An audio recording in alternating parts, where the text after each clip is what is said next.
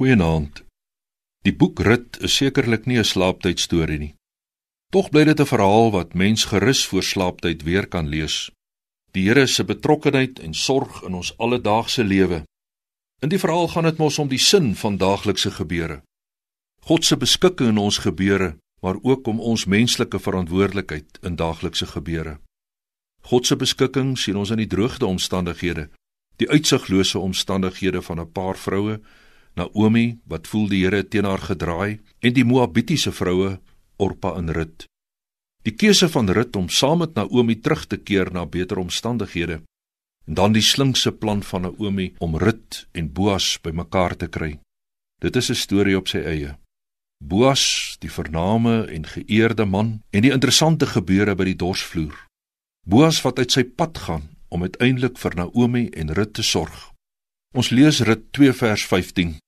Boas het sy werkers toe beveel: Sy mag selfs tussen die gerweare optel en julle mag haar nie pla nie. Julle moet ook uit die gerwe haal en dit op die grond laat val. Sy mag dit optel sonder dat julle haar daaroor aanspreek. Nou weet ons dat die wet beveel het dat jy die are wat per abuis val tydens die oes nie mag optel nie. Dit is vir die armes. Die armes moet ook versorg word. Maar Boas wat meer doen as wat die wet vra spreek woordelik die tweede myl vir rit stap. Buitengewone en in 'n sekere sin oordadige en spesiale behandeling wat rit toeval. Aan die begin van die verhaal 'n tekort.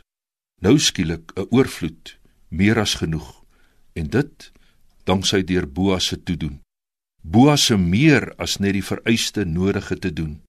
Ook nog daarna Boas se liefdesbetuiging aan rit uiteindelik 'n seun vir Naomi met Boas opgeneem in die geslagsregister van Jesus. So sorg die Here in alledaagse gebeure. So word 'n liefdesbetuiging van spreekwoordelik die tweede myl met iemand saam te stap, 'n toonbeeld van liefde. God se liefde en sorg vir die mens en die mens se liefde teenoor sy medemens. As ons vanaand nadink oor hierdie verhaal, dink net hoe beter plek kan ons lewenswêreld wees as ons na die voorbeeld van Boas ook bereid is om die tweede myl te stap met iemand. Meer te doen vir 'n ander as wat van ons Bybels vereis word. Kom ons bid saam. Ons Vader, ons bely dat ons baie kere maar net doen dit wat van ons vereis word as gelowiges. Help ons om môre, wanneer dit dalk vereis word, die tweede myl saam met iemand te stap wat 'n behoefte daaraan het. Amen.